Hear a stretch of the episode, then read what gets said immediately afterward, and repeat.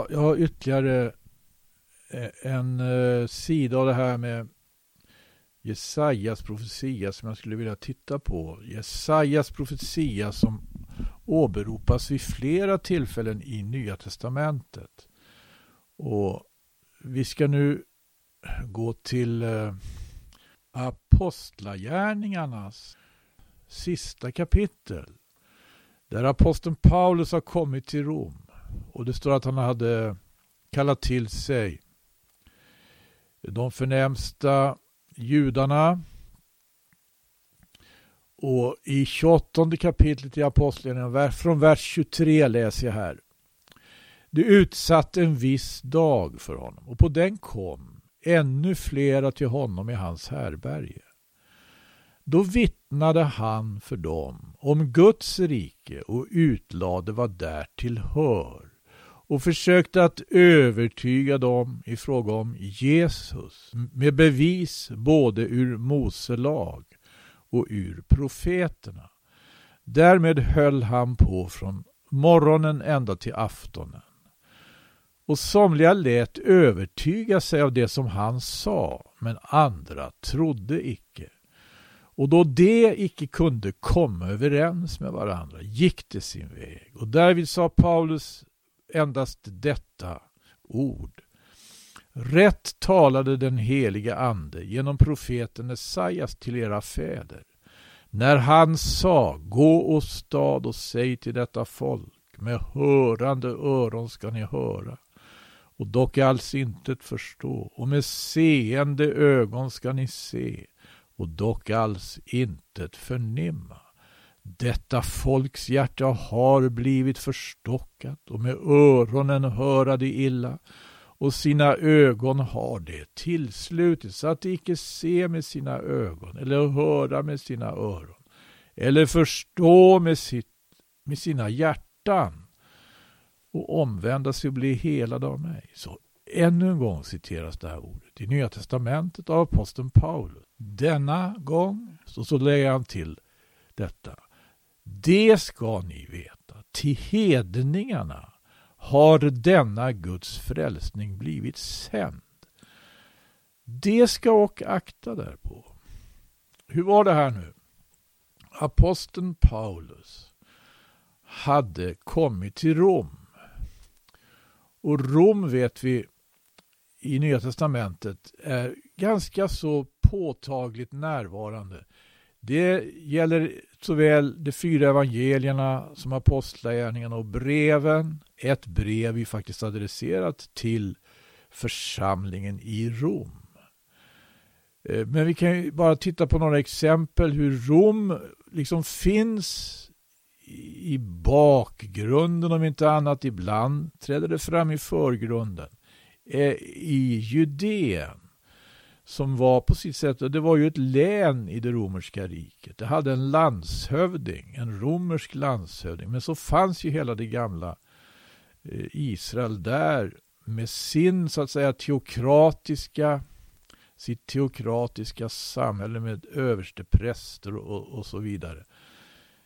I fråga om eh, vi kan till exempel läsa från Johannes evangeliets elfte kapitel då Jesus var fullt verksam och ryktet om honom spreds och det heter så här i 47 versen att då sammankallade överste prästerna och fariseerna en rådsförsamling och sa Vad ska vi ta oss till? Denne man gör ju många tecken. Om vi ska låta honom så fortfara ska alla tro på honom och romarna kommer då att ta ifrån oss både land och folk. Här fanns alltså tydligt en farhåga och på det sättet så förstår man ju hur pass närvarande romarriket var i, eh, i Israel på den tiden. Vad ska vi ta oss till? Det var översteprästerna och fariseerna som, som, som sa, vad ska vi ta oss till? Denne man, Jesus, han gör många tecken. Om vi låter honom fortsätta på det viset så kommer alla att tro på honom och romarna kommer då att ta ifrån oss både land och folk. Det här var ett tillfälle. Vi kan också läsa i Matteus evangeliet då Jesus diskuterar med de skriftlärda och fariseerna. Och det heter så här i 22 kapitlet i Matteus evangeliet, 15 versen läser jag från. Därefter gick fariseerna bort och fattade det beslutet att de skulle söka snärja honom genom något hans ord. Och de sände till honom sina lärjungar, tillika med herodianerna, och lät dem säga Mästare, vi vet att du är sannfärdig och lär om Guds väg vad sant är, utan att fråga efter någon, ty du ser icke till person. Det här var inte dåligt, va? det de säger till Jesus. Vi vet att du är sannfärdig, det här är vad han är. I inledningen till sändebrevet till Laodicea står det att han är Amen. Det trovärdiga och sannfärdiga vittnet. Begynnelsen till Guds skapelse. Och att han lär om Guds väg vad sant är. Om Guds väg. Om Guds väg kan vi läsa i lagen.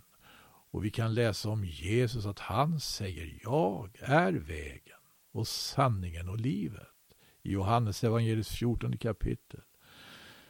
Men det var alltså nu ett sätt då att uppträda, ska vi säga, höviskt och förhoppningsvis locka fram någonting då. De hade direkt, inte direkt kanske så goda avsikter.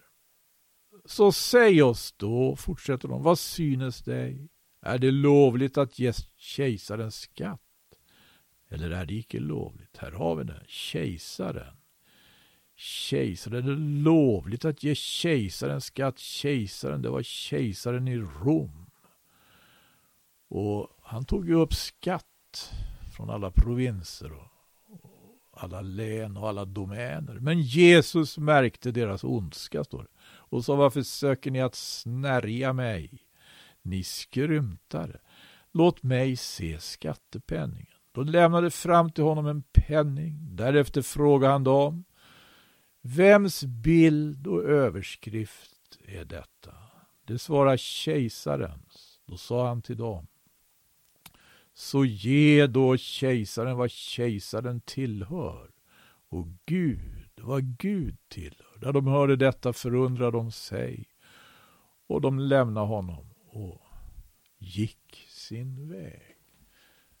Det här är, sen vet vi att romarriket blir väldigt påtagligt därför att i samband med att Jesus blir gripen, arresterad och förd till Stora rådet den ödesdigra natten då Judas förrådde honom. Han gick till Getsemane för att bedja. Han hade bara med sig tre lärjungar. Eh, det var Petrus och Jakob och Johannes. Men det kom en folkskara som grep honom. Och de hade enligt Johannes också med sig den romerska vakten. Men han blev förd till Stora rådet och Stora rådet Eh, anställde förhör med honom och kom fram att han var skyldig till döden. Men eftersom de stod under Rom på den tiden så hade de inte rätt att döma någon till döden. Och därför så måste han föras till landshövdingen Pilatus. Landshövdingen Pilatus har en väldig match med Jesus. Och eh, till slut får han två sina händer och Jesus förs bort och korsfästas.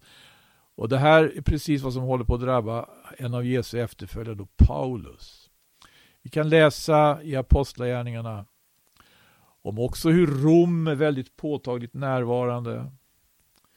Och det finns till exempelvis ett ställe där han möter ett par personer, Paulus, i, i samband med sina resor och jag tror att det är Apostlagärningarnas 17 kapitel. Och det är det inte. Det är kanske 18 kapitlet. Det står så här i början av 18 kapitlet att Paulus hade varit i Aten och han kom till Korint. Där träffade han en jude vid namn Aquila, bördig från Pontus, vilken nyligen hade kommit från Italien med sin hustru Priscilla. Och så står det inom parentes Claudius, kejsar Claudius, hade nämligen påbjudit att alla judar skulle lämna Rom. Till dessa båda slöt han sig nu. Och eftersom han hade samma hantverk som det så stannade han kvar hos dem. Och de arbetade tillsammans, det var nämligen till yrket tältmakare.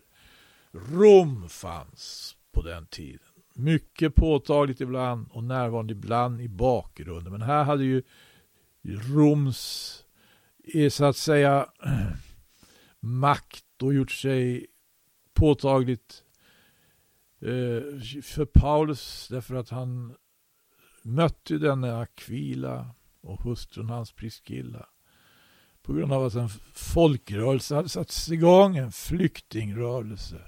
Alla judar skulle lämna Rom. Ja, men eh, det här med Rom är, är, faktiskt på gott och ont. Därför att vi kan läsa i slutet av Apostlagärningarna hur eh, romarriket faktiskt kommit till märklig undsättning. Då Paulus blir häftigt anklagad av judarna. Det är en hel process som vi kan läsa om ifrån det 21 kapitlet i Apostlagärningarna till det sista kapitlet. Jag ska bara gå igenom huvudpunkterna här. Därför det, det var så att Paulus han begav sig till Jerusalem och han var väldigt känd och han var också väldigt hatad av judarna. Och eh, Därför så blir han gripen i Jerusalem. Så fort han visar sig, vi kan läsa om det i Apostlagärningarnas 21 kapitel och 21 vers. Och så dras han då liksom inför folkhopen, fram inför folkhopen och han får försvara sig och det gör han med bravur i Apostlagärningarnas 22 kapitel. Men det uppstår väldiga oroligheter och då grips han enligt 22 kapitlet vers 24 av den romerska vakten just. Och det vill anställa förhör och det förbereder att gissla honom. Och då i vers 25 åberopar Paulus sitt romerska medborgarskap. Han var, han var jude men han var också romersk medborgare. Och det står så här när de redan hade sträckt ut honom till gissling sa Paulus till den hövitsman som stod där, är det lovligt för er att gissla en romersk medborgare och det utan dom och rannsakning. Sa han till hövitsmannen för den romerska vakten. Och det här gjorde att eh, de upphörde med alla förberedelser att gissla honom, men de höll honom i förvar. Och det var så att för att komma till rätta med situationen så bestämde sig översten för kasernen, står det i vers 30, översten för kasernen för den romerska vakten att judarnas stora råd skulle tillkallas för han ville höra deras uppfattning innan han vidtog några andra åtgärder. Och när det här kommer till stånd, det här mötet mellan Stora rådet och Paulus ser att rådet består av bland annat fariseer och sadduceer. Då kan vi läsa 23 kapitlet att han bussar fariseerna mot sadduceerna när han eh, Eh, säger att han, liksom fariseerna, tror på uppståndelsen. Det var nämligen det saduséerna inte gjorde. Så istället för att det blir en eh, någon, någon vidare, något vidare förhör av Paulus så blir det istället ett stort gräl mellan fariseer och saduceer. Och efter det här så bestämmer sig judarna att de sammansvor sig. Och det gjorde de med avsikt att döda Paulus. Och de gick till översteprästerna och det äldste för att de skulle begära att Paulus skulle flyttas till den plats där Stora rådet höll till egentligen. För att han skulle närmare granskas, hans sak skulle närmare granskas. Och så hade de planerat att han skulle då han trans under transporten skulle dödas. Men den här planen får Paulus systerson veta om i vers 16. Apostlagärningarna 23 fortfarande, vers 16. Och han underrättar Paulus. Och Paulus underrättar den romerska vakten och pekar på sin systerson och efter att översten för den romerska vakten. I vers 23 har hört systersonen så bestämmer han att Paulus ska föras till Caesarea, en bra bit ifrån Jerusalem, och eskorteras dit av 200 krigsmän. Till landshövdingen som då inte längre var Pilatus utan till en landshövding som hette Felix. Och där placerades Paulus i Herodes borg. Enligt Apostlagärningarna 23.23. 23. Och i 24 kapitlet så kommer översteprästerna ner till Caesarea med sina sakförare och framlägger sin sak mot Paulus inför landshövdingen Felix och argumenterar för att Paulus är en fördärvlig man. I samma kapitel i tionde versen får Paulus försvara sig och det innebär att i den 22 versen så uppskjuter Felix hela den här rättegången, hela målet. För han vill först höra vad den romerska översten i Jerusalem, Lysias, har att säga och han vill vänta in honom. Så det här är en riktig process. Paulus hålls alltjämt i förvar. Och medan han sitter i Herodesborg så kommer Felix själv, landshövdingen Felix och hans hustru och vill tala med Paulus om tron på Jesus. Det här hade verkligen spridit sig vid det här laget. Om de kristna, om Nazarens parti. Men Paulus, eh, istället för att riktigt övertyga Felix, gör, blir Felix lite rädd. Därför att Paulus talar om som det heter, rättfärdighet och återhållsamhet om den tillstundande domen. Och det gör Felix och Drusilla, hans hustru, illa till mot. Så Paulus får sitta i förvar i ytterligare två år, enligt 27 versen, till dess Felix efterträds av Festus. I Apostlagärningarnas 25 kapitel så kan vi läsa att Festus själv beger sig till Jerusalem och där uppvaktas han av översteprästerna med flera angående Paulus. Det begär i tredje versen att Paulus ska flyttas till Jerusalem eftersom de planerar ett nytt förs försåt och förmodligen hoppas de på att inte han ska eskorteras då av 200 krigsmän. I vers 4-5 så säger Festus till dem att om de vill möta Paulus måste de följa med honom till Caesarea i Antipatria. Det heter Antipatria, eller Antipatris, där Caesareli. Och där konfronterar Paulus. Och då, de gör det, de följer med. Och efter en konfrontation i Caesarea så, och när Festus har lyssnat på det så säger han eh, eftersom han vill göra judarna sig bevågna. Han vill göra sig populär bland judarna.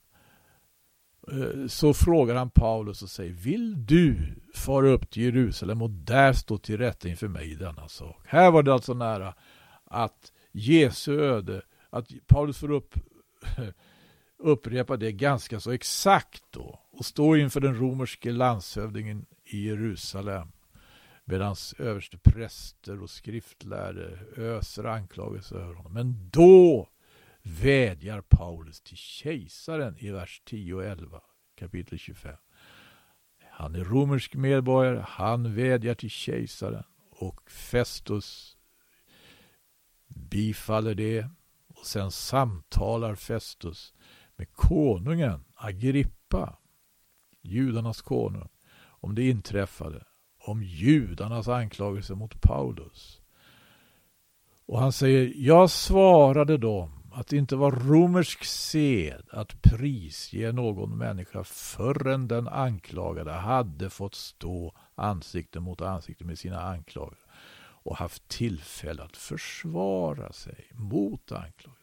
Här är processen mot Paulus. Och han får alltså innan han beger sig till Rom vilket han, gärna, vilket han också var inställd på att han hade redan i Apostlagärningarnas 19 kapitel uttalat sig om att han måste till Rom.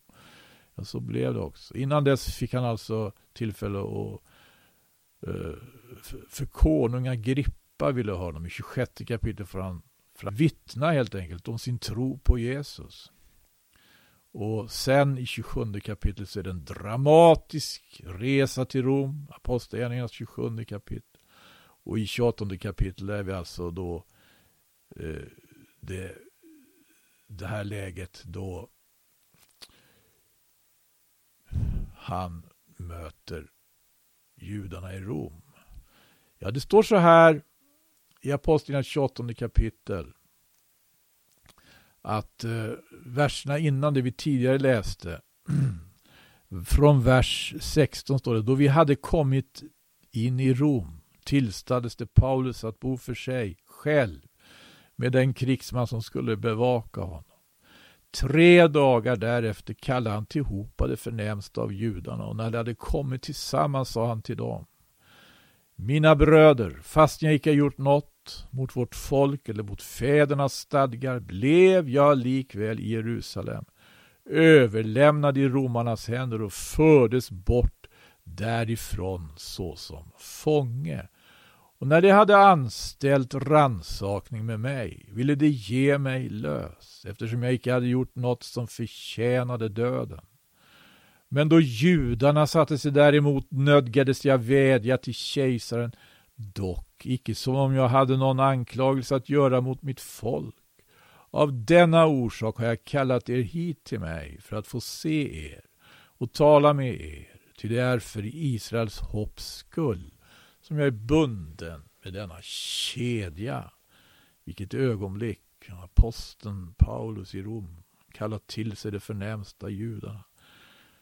Tala med dem, för att tala med dem om Israels hopp. Det svarade honom. Vi har, vi har inte från Judeen mottagit någon skrivelse om dig. Inte heller har någon av våra bröder kommit och berättat eller sagt något ont om dig. Och det här var ju märkligt att de inte hade hört något. Det hade ju blivit en ganska stor affär, en riktig process. Så frågan är om de faktiskt inte hade hört, men av ren artighet det blir att nämna om den omständigheten. Men vi finner skäligt att du låter oss höra hur du tänker. För om det partiet är oss bekant, att det allestädes möts med ensidigt, eller om den sekten vet att den allestädes möter gensägelse. Och sen så står det då, utsatte det en viss dag för honom. Och på den kom ännu fler till honom i hans härberge, ännu fler förnäma judar. Då vittnade han för dem om Guds rike och utlade vad därtill hör och försökte att övertyga dem i fråga om Jesus med bevis både ur Mose lag och ur profeterna. Och när dessa förnäma judar i stort sett resignerar i fråga om att komma fram till något, eh, någon form av gemensam uppfattning vad det gäller Paulus, eh, det Paulus har att säga, så går de. Och det är då som aposteln Paulus citerar den berömda profetian från Jesajas sjätte kapitel och så avslutar han med att säga att till hedningarna har denna Guds frälsning blivit sänd. Det ska också akta därpå. Men den här processen den är ju ganska så, eh, ska vi säga, den är faktiskt eh, riktigt intressant. Och jag eh, vill påminna bara om eh, hur eh, i eh, Apostlagärningarnas 22 kapitel då man skulle gissla Paulus han protesterar just på det sättet då att han sa är det lovligt för er att gissla en romersk medborgare och det utan dom och rannsakning? Och när hövitsmannen hörde detta, står det i vers 26, gick han till översten och underrättade honom härom och sa, vad är det du tänker göra? Mannen är ju romersk medborgare. Lite senare då i Apostlagärningarnas 25 kapitel när Festus samtalar med konung Agrippa och berättar om det här, om Paulus och om judarna som är så ivriga att få honom eh, i sitt våld och som anklagar honom för allt möjligt. Då säger han Men jag svarade om att det icke var romersk sed att prisge någon människa förrän den anklagade hade fått stå ansikte mot ansikte med sina anklagare och haft tillfälle att försvara sig mot anklagelsen. Så kommer alltså Rom, romarriket att komma till undsättning. aposteln Eh, blir på det viset eh, räddad undan ett oblitt öde. Och eh, men kommer till Rom och där får han alltså säga det då till de främsta judarna i Rom. Till hedningarna har denna Guds frälsning blivit sänd. Det ska också akta därpå. Romarriket som ett rike på gott och ont. I ändens tid, i avslutningen. Under historien har romarriket uppstått. Och vad kommer att vara romarrikets roll i ändens tid? Vi har alla anledning att frukta att det kommer att upprepas på plats efter plats detsamma som eh, judarna eh, drabbades av. Eh, Jesajas sjätte kapitel om att se och ändå inte se, höra och ändå inte höra. Den eh, är sannerligen inte ut ur bilden. Den är högst aktuell. Den är högst aktuell och det gäller att så länge vi kan ta vara på att vi både ser och ser, både hör och hör och dessutom förstår att vi ska göra det. Att inte verkligheten går oss förbi medan vi ser så väldigt mycket. Medan vi hör så väldigt mycket.